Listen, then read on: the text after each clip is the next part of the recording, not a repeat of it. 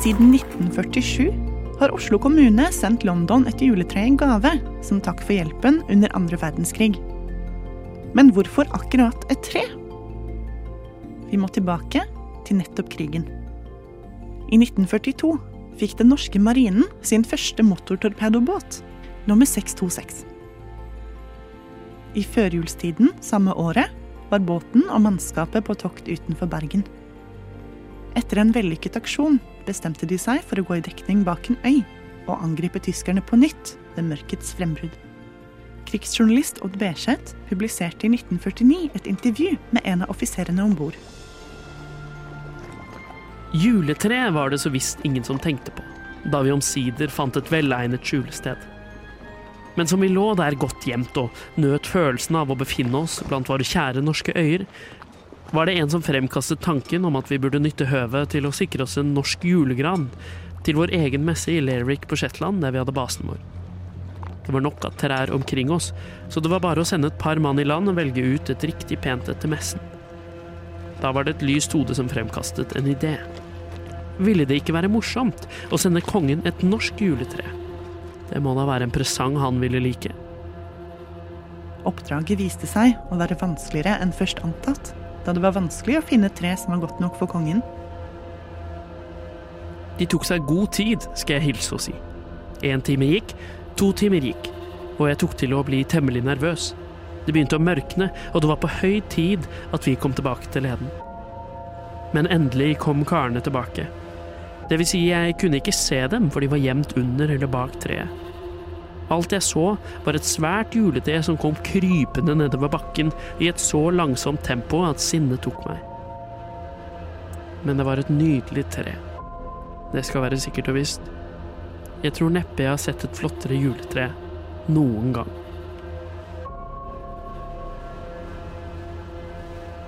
En tradisjon var skapt. Ifølge Berseth var det en offentlig hemmelighet at kong Haakon hvert eneste år ble sendt et norsk juletre. Og det er ikke utenkelig at det har vært inspirasjon for det som skjedde etter krigen. Mange var møtt fram for å overvåke fellingen av Oslos julegave til London, den store julegrana som skal reises på Trafalgar Square. En slik ambassadør måtte stelles pent med, og den svære grana var gjenstand for all mulig omsorg. Skogsjef Vaux tar et siste overblikk, Saga tar fatt, og så faller kjempen.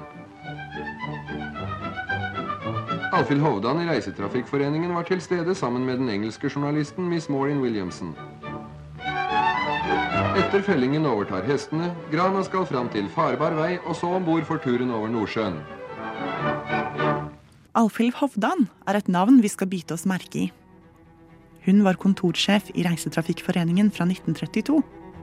Og det var etter sigende hun som fikk ideen om å sende et årlig tre til London i gave Ifølge en artikkel i Nordisk Tidende fra 1971 ville ikke Oslo kommune bevilge penger til et slikt uhørt juleeventyr, og Hovdan finansierte gaven selv. Da kong George 6. ble så glad for gaven, fikk pipa en annen lyd, og fra 1948 var det kommunen som sto for tradisjonen. Men hvordan endte treet opp på Trafalgar Square? Vel, det kan hende vi kan takke Ian Flemming, skaperen av James Bond, i arbeidet med en biografi om Flemming ble det nemlig funnet et notat av den britiske viseadmiralen Norman Denning, der han forteller en historie om en fuktig kveld på byen til ære for en norsk agent. Her fra notatet, fritt oversatt av meg.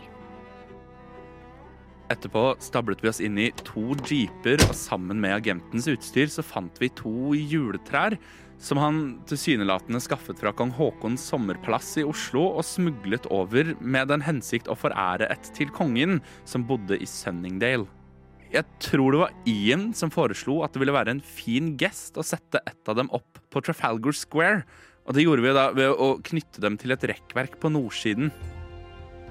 Historien om hvordan Oslo endte med å sende et årlig tre til London, er altså ikke helt rett frem. Men disse fortellingene vitner til sammen om menneskelig kreativitet, pågangsmot og djervhet. Som på tross av tid, sted, kjønn og nasjonalitet sammen har blitt et symbol. Og resultatet kan kalles verdens mest berømte juletre.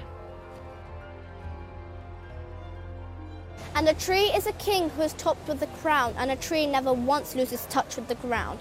A tree is a home with numberless doors, and a tree is a world for an ant to explore.